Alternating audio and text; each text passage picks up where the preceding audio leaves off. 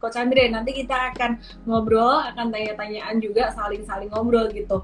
Coach Andre kalau ngelihat uh, new economy dan old economy, ini gimana sih sebenarnya? Apa sih sebenarnya kunci dari pertumbuhan ekonomi itu sendiri dan uh, gimana Coach Andre ngelihat Amazon dulu dan Amazon sekarang, kemudian Indonesia dulu dan Indonesia sekarang gitu. Oke, kalau tadi yang kita bahas dari uh, seminar di uh, VIP user, jadi kita banyak ngomong tentang inovasi ya. Jadi menurut saya untuk suatu organisasi atau ya mungkin nggak harus organisasi ya dari teman-teman sendiri, yang paling penting adalah inovasi karena kalau kita lihat perbandingan ekonomi Amerika Serikat dibandingin dengan ekonomi Indonesia, yang terjadi di Amerika Serikat mungkin 20 tahun lalu adalah inovasi. Jadi hmm. uh, kenapa mereka bisa maju seperti sekarang atau kalau kita lihat kenapa stock marketnya bisa all time high terus selain dari sisi liquidity ya, tapi dari segi company yang listed di Amerika juga udah bervariatif karena basically internet di Amerika Serikat hmm. atau ekonomi digital di Amerika Serikat udah mungkin 10-15 tahun lebih advance dibandingin dengan Indonesia. Jadi menurut saya kunci yang paling penting dari uh, pertumbuhan stock market pun juga sebenarnya adalah inovasi gitu. Kalau tanpa inovasi, ya stock market kita juga akan begini-gini aja karena basically company-nya juga berubah, kemudian juga produknya mungkin nggak bertambah. Jadi sebenarnya ya di Indonesia sendiri ini menurut saya kunci untuk bertumbuh ada inovasi juga. Mungkin Pak Jokowi ini juga selalu pernah ngomong ya bahwa uh, kunci dari pertumbuhan ekonomi adalah human capital juga. Nah, human capital ini ada hubungannya dengan inovasi. Jadi, menurut hmm. saya salah satu keyword untuk uh, ekonomi kita untuk bertumbuh ke depan adalah inovasi dan ini nanti ada hubungannya dengan ekonomi digital yang sedang dibangun oleh Indonesia. Nah, ini juga kemarin sudah disebut berulang kali juga sih oleh Pak Pandu bahwa uh, ekonomi digital kita tuh baru mulai. Jadi kalau Amerika udah mulai 15 tahun yang lalu, Indonesia mungkin baru mulai sekarang. Kalau misalnya kita ngomongin Cina lima tahun yang lalu udah maju, ya kita ketinggalan mungkin 5 sampai tujuh tahun dengan China. Jadi benar-benar sekarang menurut saya ya ekonomi kita baru bisa dibilang baru mulailah.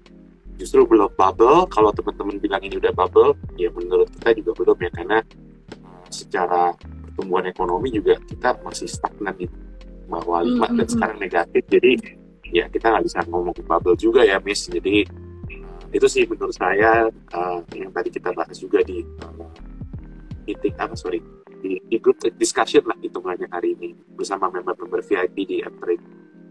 Iya, jadi kalau kita lihat ya uh, perubahan teknologi itu cepat banget. Jadi tadi ada, ada dibahas juga tentang uh, share price dari BlackBerry di tahun 2007 sampai 2016 itu perubahan tek dia nggak bisa mengikuti uh, perubahan teknologi tidak bisa melakukan inovasi yang uh, ngikutin pesaingnya BlackBerry jadi turun tajam gitu. Nah itu uh, bicara tentang teknologi kita mesti harus ngelihat harus tes dan ukur terus nih ya perusahaan ini bisa nggak melakukan inovasi gitu. Nah, salah satu perusahaan yang sangat berhasil dalam melakukan inovasi dengan uh, dengan motonya Day One ya.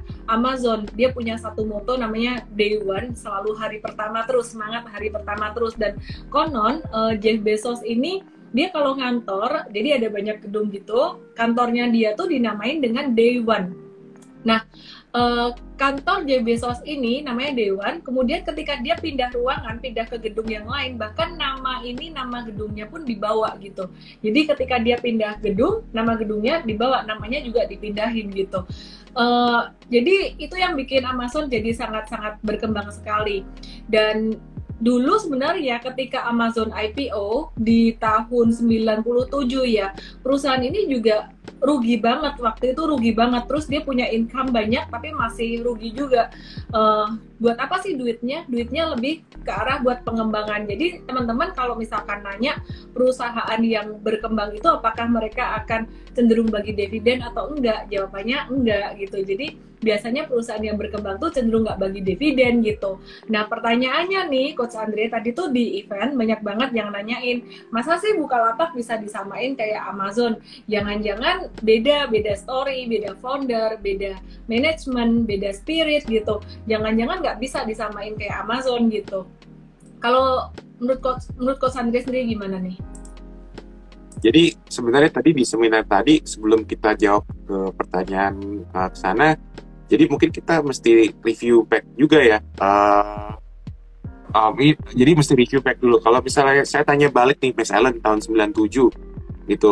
Uh, toko buku yang terkenal mungkin nggak ada yang kenal kali. Belum misalnya beli beli buku di mana kalau tahun 97 kurang lebih?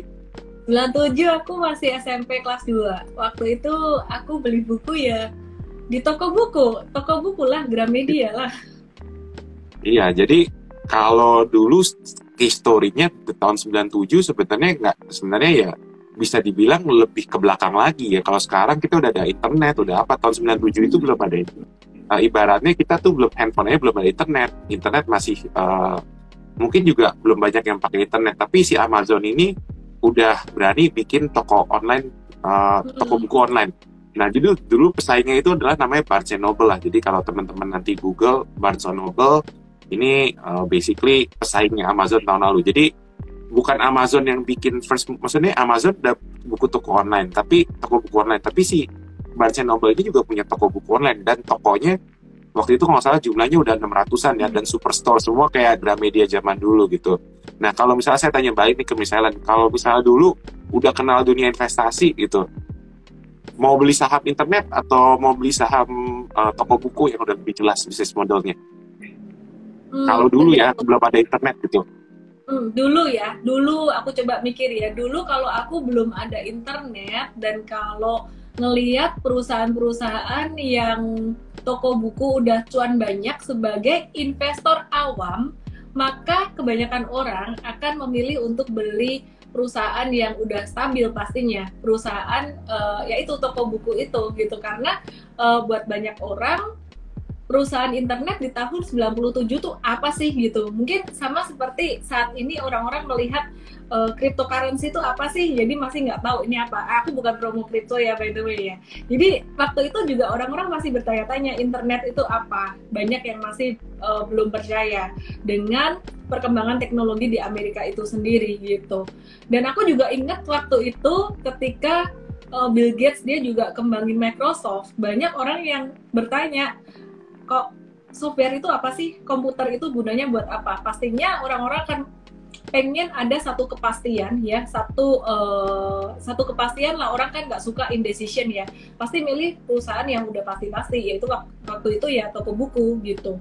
Nggak ada yang mau beli uh, perusahaan teknologi yang sifatnya spekulatif atau gambling. Nah jadi sebenarnya ini mirip kayak use case sekarang kayak cuman mungkin teman-teman lebih diberkatin dibandingin tahun 97 gitu. Tahun 97 siapa yang bisa punya internet ya bisa ngecek laporan keuangan secara gampang. Kemudian juga kita bisa ngecek aplikasinya. Hmm. uh, anggapannya Bukalapak, Tokopedia dan lain-lain gitu. Jadi sebenarnya sekarang itu lebih mudah ya walaupun ya ada ada ada persepsi yang mengatakan bahwa ya Bukalapak market share karena dari uh, Tokopedia atau misalnya karena dari Shopee. Ya perspektif saya sih sebenarnya ya mungkin emang itu benar ya. Cuman balik lagi kalau kita ngomongin market share ini kan sebenarnya yang udah terjadi ya. Jadi di mungkin di tahun 2019 atau 2020 atau ongoing gitu. Jadi kita nggak tahu ke depannya ini gimana. Sama kayak cerita Amazon uh, tahun 97 kalau misalnya Amazon ini listing, ya siapa yang jamin uh, orang bakal beli buku di toko buku online gitu. Dan kebetulan kan emang penetrasi internetnya juga masih rendah banget. Jadi sebenarnya use case-nya sebenarnya sama juga gitu. Ya kita tahu bahwa uh, valuasi dibilang murah juga enggak gitu. Dibilang uh, mahal juga enggak. Jadi seperti seperti kayak Amazon kalau dulu bandingin Amazon sama si Barnes Noble si uh, Barnes Noble itu matrix uh, market cap to uh, salesnya itu cuma uh, nol cuma setengah kali ya. Sedangkan si Amazon itu udah kalau salah udah dua kali gitu. Jadi uh, secara valuasi ya mahal gitu. Dan kalau kita lihatin earnings baik lagi. Tadi uh, misalnya juga bilang kalau company udah ada PE terus uh, eh, ROI-nya juga lumayan bagus, ya kenapa enggak ya? Jadi sebenarnya ya kalau kita ngeliatin ke ke belakang ke belakang pasti kita banyak nemu salahnya lah. Tapi kalau kita hmm. uh, berbicara ke depan, apakah si Bukalapak ini bisa kayak Amazon? Saya jujur gue juga nggak tahu gitu. Tapi uh, baik lagi kalau kita lihat perkembangannya Bukalapak dari mungkin 5-6 tahun lalu, ya udah jauh banget. Sekarang udah mau kembangin jadi super app juga. Jadi ya why not gitu. Maksudnya kalau saya secara personal ya saya tertarik untuk investasi di Bukalapak karena apa? Karena satu dia first mover, kemudian juga ya ini sebagai latihan untuk uh, IPO IPO listing selanjutnya lah. Itu misalnya. Hmm. Oke, oke, oke, oke.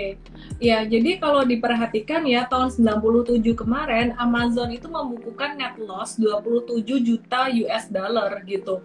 Terus uh, tapi kalau kita lihat pendapatan Amazon tahun 97 waktu itu naik 10 kali lipat dibandingkan dengan tahun sebelumnya. Bicara tentang pendapatan, um, bicara tentang GMV. Sebenarnya GMV itu nggak bisa dibilang pendapatan ya karena GMV itu kan uh, mungkin total total transaksi, tapi itu bukan pendapatan dari perusahaan itu sendiri gitu. Kalau perusahaan e-commerce terutama, jadi uh, perusahaan e-commerce mungkin pendapatannya didapat dari take rate. Take rate itu dari uh, fee dari transaksi. Nah itulah pendapatan dia gitu.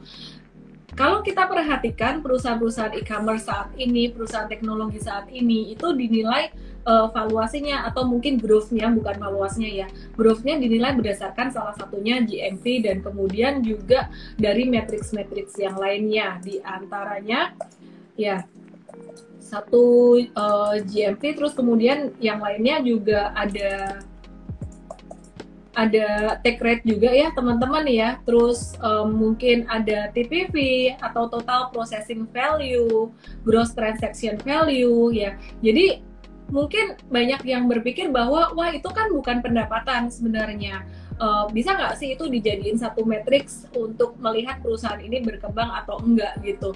Antara iya dan tidak. Jawabannya antara iya dan tidak. Sebenarnya kalau perusahaan-perusahaan uh, startup perusahaan digital teknologi e-commerce itu mereka di depan masih rugi, tapi kemudian kalau di belakang mereka udah mulai bisa menghasilkan keuntungan dalam beberapa tahun berikutnya, ya that's okay gitu.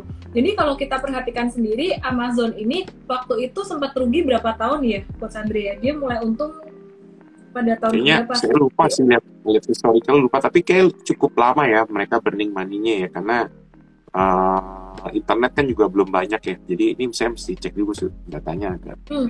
Di sisi yang lain tahun 97 kemarin Barnes and Noble itu udah untung lumayan banyak tuh. Udah untung lumayan banyak. Ya, jadi 53 juta uh, dolar ya. Benar-benar. Benar. Jadi kalau kalau kita lihat dari keuntungannya memang Barnes and Noble waktu itu lebih menang. Tapi gimana dengan inovasinya nih? Dari tahun 97 sampai dengan 98 aja. Uh, mungkin dibandingkan dengan Amazon inovasinya gimana tuh? Kalau kita ngomong inovasi sih sebenarnya dibilang si Barnes Noble kalah juga enggak ya, tapi uh, basically mereka tuh uh, karena perusahaannya udah punya uh, untungnya cukup besar, jadi itu mereka juga melakukan akuisisi, ngebeli toko buku online juga. Kemudian, hmm. Tapi sebenarnya duitnya mereka itu habis buat capex spending untuk bikin toko gitu. Jadi target mereka bikin toko itu Barnes Noble tahun 97 sekitar 60-an toko ya per, per, per tahun gitu. Jadi ini untuk meningkatkan sales mereka dan investasi per toko itu kalau nggak salah sekitar satu juta dolar. Jadi teman-teman bayangin dia uh, ngebakar duit sekitar satu juta dolar untuk satu juta dolar per toko per tahun untuk buat ningkatin salesnya. Nah kalau si Amazon ini yang mereka lakukan di tahun 97 kalau nggak salah mereka tuh invest di sistem, kemudian juga mereka invest di warehousing. Uh, tapi kebanyakan sih lebih buat ke tenaga kerja juga ya karena uh, basically mereka nggak kuat capex karena bisa dibilang tahun 97 tuh mereka broker lah. Jadi uh, mereka ambil dari pihak lain uh, via mereka mereka jualin. Jadi bisnis modelnya seperti itu. Nah mungkin menguntungkannya juga masih lama ya dan kalau kita lihat sebenarnya inovasi pertama dari e-commerce itulah belum belum lari ke mana-mana. Jadi sebenarnya ya emang bisnisnya juga shift, terus marketnya juga shift. Ya unfortunately si Barnes Noble ini kalah sama online ya. Jadi uh, basically mereka harus menjual perusahaannya ke perusahaan lain. Kayaknya hmm. si Barnes Noble juga, cuman Barnes Noble kayaknya udah lebih shifting ke more retail store ya rather than ke uh, toko buku aja. Jadi basically ya mereka juga inovasi cuman kalah sama internet company sekarang. Hmm. Terus ini banyak yang nanya juga nih sebenarnya agak out of topic dikit ya dari uh, apa yang kita omongin tadi nanti kita sambung lagi. Ini ngebahas saham di Indo dikit nih. Marcelo Kosasi hmm. dan Joy 1828 ini nanya tentang MTech. Saya sampai bingung sendiri karena beli MTech di harga atas dan MTech turun terus. MTech perusahaan teknologi tapi konglomerasi. Sebe sebenarnya bagus nggak di hold untuk jangka menengah atau jangka panjang? Nah, aku kalau boleh kasih jawaban dulu sih buat dua pertanyaan ini, sebenarnya ya teman-teman, terlepas dari story-nya menarik atau enggak secara teknologi, baik untuk jangka menengah, jangka panjang, atau jangka pendek, kita harus tetap uh, menggunakan analisis teknikal. Jadi kalau MTrade sendiri, uh, MTech kemarin kita udah exit sementara ya, udah exit, terus kemudian nanti kita kita masih tetap watch MTech uh, untuk bisa buyback lagi. Jadi masih kita watch lagi gitu.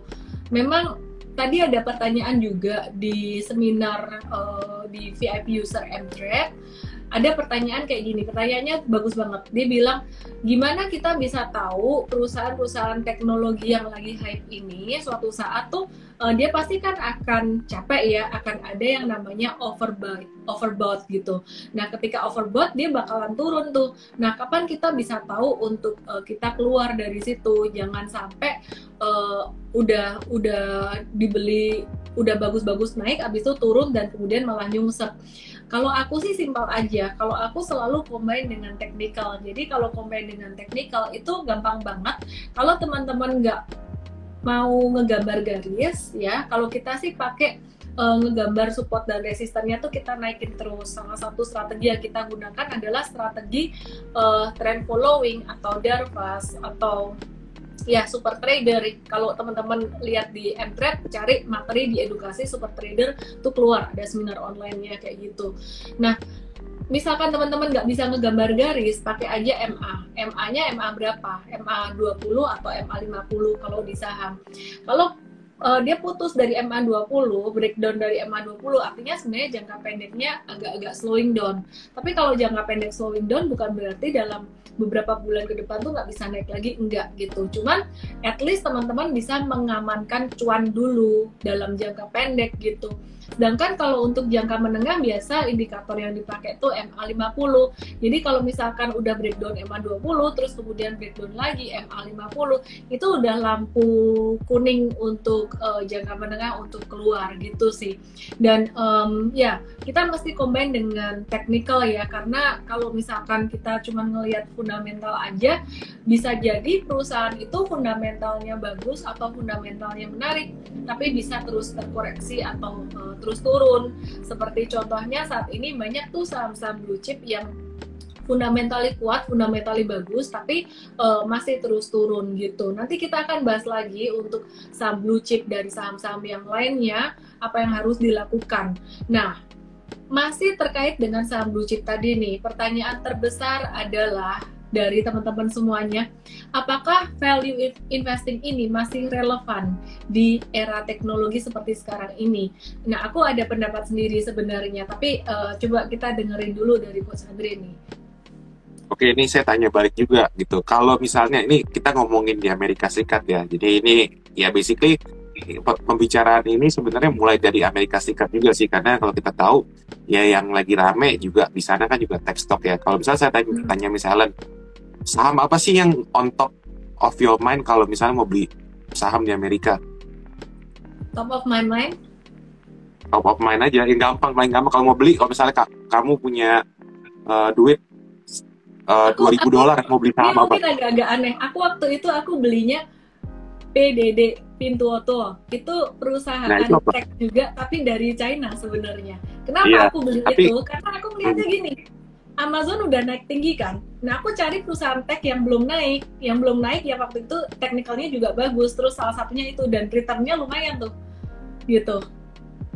Tapi kalau misalnya sekarang dia eh, kita mungkin jangan ngomongin China, yang di Amerika nih merek-merek ya, apalah barang-barang yang ya kita semua pasti banyak gunain barang dari Amerika. Misalnya sekarang oh, iya. ada dua ribu dolar, Apple. Jadi Iya, jadi ini saya mau bawa topik ini ke value sama growth ya. Jadi Apple itu bisa dibilang ya blue chipnya uh, Amerika ya. Tapi kalau kita lihat blue chip di Amerika Serikat itu kayak LQ45 di Indonesia itu sebenarnya kebanyakan adalah tech company gitu. Jadi kalau kita lihat Apple, Amazon, Microsoft, uh, mungkin ada apa sih banyak lah ada Nvidia. Uh, jadi sebenarnya itu uh, tech related gitu. Jadi bukan sebenarnya uh, old economy mati gitu karena emang eranya saat ini relevannya sebenarnya di di di tech stock gitu. Karena sehari-hari kita pakai barang-barang teknologi mungkin teman-teman di sini semua pakai Microsoft semua pakai Spotify kalau jalan-jalan ke luar negeri pakai Airbnb. Uh, terus apa? Uh, minum Starbucks. Jadi sebenarnya itu karena brand-brand yang kita tahu jadi valuasinya naik terus gitu. Tapi bukan berarti kayak saham-saham yang kayak old economy mati gitu. Tapi kalau misalnya kita balikin ke tahun 80-an growth stocknya apa? Growth stocknya itu Exxon uh, Ford kemudian juga mungkin ada time apa? Verizon AT&T jadi sebenarnya growth stock itu sama value stock itu tergantung zaman sih. Jadi menurut saya karena saat ini emang korelasinya tech itu hubungannya dengan growth jadi ya nggak mau nggak mau ya kita ngikut juga. Di Indonesia pun sama gitu. Yang baru mau bakal mau IPO apa? Bukalapak uh, hmm. lagi uh, uh, Goto gitu kalau ngomongin value-nya coba mungkin value-nya apa sih company-company lama yang yang old economy mau IPO ya unfortunately the biggest IPO since berapa di bawah tahun 2000 adalah buka di di bawah tahun 2010 adalah Bukalapak jadinya ya orang larinya ke sana semua. Kalau ditanya value investing mati, menurut saya enggak gitu. Cuman uh, fakta membuktikan bahwa uh, ya emang saat ini eranya company-company seperti itu gitu. Jadi saya nggak bilang bahwa kita nggak boleh beli saham PI murah gitu. Cuman ya basically kalau kita market ya kita kan nyari saham yang bisa gerak ya, bukan apa sih barang yang udahlah barang murah kita beli. Hmm. kita keep ternyata nggak nggak diem diem tapi kalau misalnya kita beli ya barang relatif murah lah saham teknologi menurut saya value gitu. Karena mungkin 10 tahun lagi itu jadi barang mahal. Nah itu menurut saya juga ya bisa dibilang ya value investing juga. Ini ini sih sebenarnya masalah perspektif aja ya dibandingin kayak kita lanjutin lanjutin lanjutin. Iya dibandingin kita ngejudge kayak oh value investing is everything atau misalnya growth stock is everything ya enggak juga. So basically ya kita following trend aja gitu. Emang kebetulan yang kita pakai semua adalah barang-barang teknologi. Jadi hmm. ya why not kita investasi di barang-barang teknologi? Iya jadi masalahnya tuh gini. Masalahnya gini Dre. Jadi banyak hmm. orang yang uh, tergila-gila dengan value investing. Aku bukan anti value investing which is itu bagus juga. Banyak orang yang mengidolakan Warren Buffett. Banyak orang baca bukunya Benjamin Graham dan mungkin juga uh, Warren Buffett Warren Buffett lainnya yang di Indonesia atau di mana pun. Tapi problemnya mentalnya sebenarnya bukan mental value investor. Pengennya return gede kayak value investor kan storynya luar biasa ya tapi mentalnya sebenarnya adalah mental trader yang jadi masalah di situ. Kalau emang benar-benar value investor mau beli saham-saham blue chip yang sekarang lagi murah, itu mentalnya juga mesti harus mental yang sabar lama banget gitu, mesti harus nunggu lama. Siapa mau beli Unilever sekarang? Dari dulu juga dibilang Unilever bagus, bagus, bagus, valuasi murah-murah dan semakin murah itu yang disebut dengan value trap sebenarnya. Perusahaan yang murah, murah itu bukan berarti akan terus naik, tapi bisa jadi semakin murah gitu. Dan sekarang memang udah murah banget secara valuasi. Kemudian ICBP, INDF itu juga masih murah gitu. Nah tapi teman-teman uh, yang namanya murah itu nggak selalu cepat naik dan memang rentang waktunya kalau mau beli kayak gituan harus sabar di atas satu tahun. Masalahnya mentalnya pada mental trader maunya value investing returnnya tapi mentalnya trader. Maka dari itu teman-teman sebenarnya yang perlu dilakukan adalah kan penasaran nih value investing masih bisa nggak sih? Kalau aku bilang sih sebenarnya masih bisa. Kasih return yang gede banget tuh masih bisa. Jadi kayak GGRM, HMSP, sekarang tuh valuasinya lagi murah-murahnya banget. Kalau kamu-kamu mau beli uh, eh, HMSP, ini bukan rekomendasi juga, ICBP, uh, eh, Indofood, Unilever, mungkin nanti kamu akan menuai hasilnya ketika Indonesia ini udah bisa mengatasi COVID-19. Ketika kasus COVID-19 di Indonesia udah mulai reda dan di situ nanti investor-investor asing udah mulai masuk ke Indonesia untuk invest lagi di perusahaan-perusahaan blue chip. Itu poin yang pertama.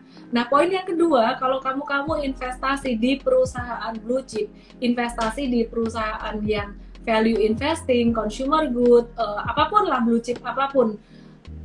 Teman-teman harus mesti siap dengan adanya IPO dari Bukalapak dan IPO dari Gojek Tokopedia, di mana dua perusahaan teknologi ini, Bukalapak itu kapitalisasinya lumayan gede, correct me if I wrong, uh, Coach Andre ya.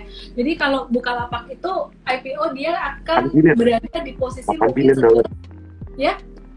8 billion dolar kurang lebih. Iya, sekitaran nomor itu menempati posisi nomor 11, 11 atau ya, 12. 12 betul kapitalisasi uh, di bursa gitu. Nah sedangkan kalau uh, si Gojek Tokopedia sampai dia IPO itu uh, kapitalisasinya gede, dia bakalan menempati posisi nomor dua uh, setelah BCA. Correct me if I wrong gitu. Jadi betul, betul. Ya, dengan posisi kapitalisasi yang segitu gede, kalau kalau free floatnya aku sih belum ngecek ya. Free floatnya gimana, Coach Sandri? Tahu nggak? Oh, untuk Bukalapak 25%, kalau Goto belum tahu ya. Iya. Gede, 25% lumayan nah. besar sih. Jadi uh, bakal bagus sih posisinya di waiting index ya. Hmm, tuh teman-teman posisi di waiting index tuh perlu diperhatiin banget. Jadi sebenarnya bukan perusahaan blue chip blue chip itu sekarang fundamentalnya jadi jelek enggak, fundamentalnya masih bagus dan valuasinya masih murah. Coba dinalar aja. Sekarang Bukalapak sama GoTo kalau mereka IPO kapitalisasi gede, terus kemudian si Bukalapak dia punya free float juga lumayan gede, itu akan ngaruh di weighting index, di mana itu akan ngaruh ke portfolio dari investor-investor besar termasuk fund-fund manager reksadana. Mereka akan beli saham dari Bukalapak dan GoTo ini terlepas dari sebenarnya perusahaan ini udah untung atau belum untung, valuasinya gimana? Kenapa? Karena weightingnya besar di bursa, weightingnya besar di indeks nalarnya gampang aja. Jadi kalau sampai perusahaan-perusahaan gede itu beli, ya pasti harganya naik lah. Jadi teman-teman kalau mau beli ini buat trading pun jangka pendek atau jangka menengah, kemungkinan besar, saya nggak ngomong 100% ya karena di saham ada probability, kemungkinan besar harganya akan cenderung naik. Nah, kamu mau profit taking boleh, uh, mau di hold lama juga boleh gitu. Nah, pertanyaannya kapan si saham-saham blue chip ini, value-value investing ini, uh, blue chip blue chip ini bakalan uh, naik, bakalan recover ya nanti kalau hype dari uh, tech stock ini sudah mulai berakhir, udah mulai uh, udah mulai overbought dan juga covid udah mulai udah mulai beres gitu. Nah kalau menurut Coach Andre sendiri gimana nih? Uh, kapan kira-kira saham-saham blue chip ini bakalan uh, recover, bakalan rame lagi, terutama consumer good dan juga bankingnya sih banking yang big big banks.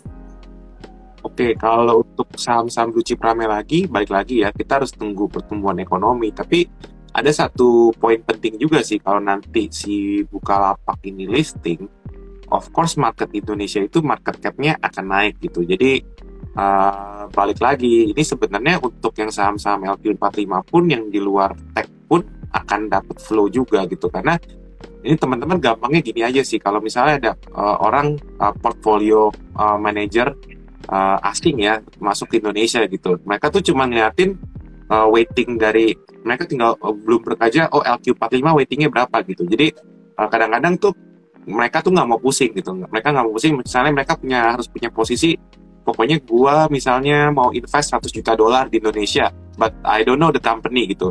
Jadi mereka blindly aja gitu tembak langsung satu juta tergantung waitingnya aja.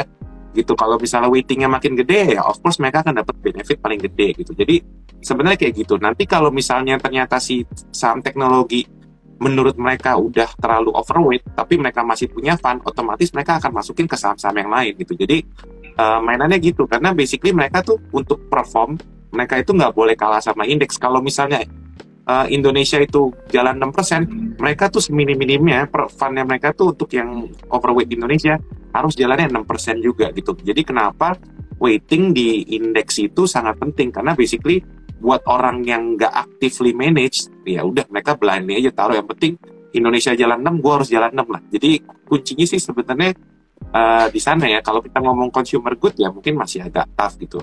Nah ini baik lagi nih, uh, kalau ngomongin yang consumer good, uh, mungkin ini gak, uh, saya, saya tanya ke Miss Ellen juga gitu tahu nggak kalau si uh, Miss Ellen Warren Buffett invest di saham consumer good apa ya kurang lebih tahu nggak McDonald's, Coca-Cola, stuff like that. Iya, jadi sebenarnya kalau kita ngomongin consumer good ya itu benar-benar kayak ekonomi gitu. Kalau kita ngomongin return, tadi kita juga udah bahas di uh, apa di di seminar juga tadi sore, returnnya tahun 2020 untuk Warren Buffett itu sekitar 6%. Nah ini terus uh, mungkin teman-teman di sini nggak tahu ya, uh, mungkin Cathy Wood uh, nanti mungkin bisa di Google Google siapa sih Cathy Wood? Cathy Wood itu bisa dibilang idola milenial Amerika Serikat lah sekarang. Jadi karena itu dia fund manager yang investnya di saham teknologi. Nah, returnnya itu tahun lalu 120% tanpa invest di saham-saham consumer good. Mungkin karena mandatnya juga nggak usah invest di saham-saham consumer good. Cuman ini buat perbandingan aja bahwa si tech company ini ya high risk, high gain gitu. Kalau misalnya yang consumer good atau yang lebih defensif, ya low risk, low gain gitu. Makanya ya kita jangan terlalu sampai super fanatik banget sama value investing ya karena basically ya ada two side of the story yang kita harus ikutin juga. Ini ada pertanyaan kalau jangka menengah kenapa cut loss bila kena trailing stop bukankah periode tiga bulan max? Bukan berarti kalau eh, itu namanya jangka menengah tuh misalkan perkiraan tiga bulan, perkiraan berapa bulan itu perkiraan aja. Tapi kalau sampai ada apa-apa situasi nggak bagus ya kita exit harus exit. Bahkan sebelum tiga bulan bisa exit gitu. Oke, terus ini ada yang bilang juga nih sempat baca dikit Amazon perusahaan cerdas sering kali mengakuisisi usaha para pedagang di dalamnya. Anyway bicara tentang Amazon itu aku suka banget baca buku-buku uh, Jeff Bezos, Amazon salah satunya apa ya bicara tentang management system, management system Amazon management system kayaknya bukunya itu. Amazon tuh punya punya uh, leadership principles yang teman-teman bisa googling juga. Salah satunya adalah uh, customer obsession dan satu lagi tuh kalau aku ingat relentless innovation. Ya jadi relentless innovation dengan prinsip dia yang day one uh, pokoknya harus ada sesuatu yang baru. Dan ini baru aja aku dapat uh, notifikasi juga berita. Ini Jeff Bezos terbang ke ini ke space ya. Dia dia dia ini dia, dia bersaing sama Richard Branson ya. Bersaing sama Richard Branson yang foundernya Virgin Galactic Ya, ya. Jadi intinya sih sebenarnya uh, semangat uh, never ending improvement itu aja sih.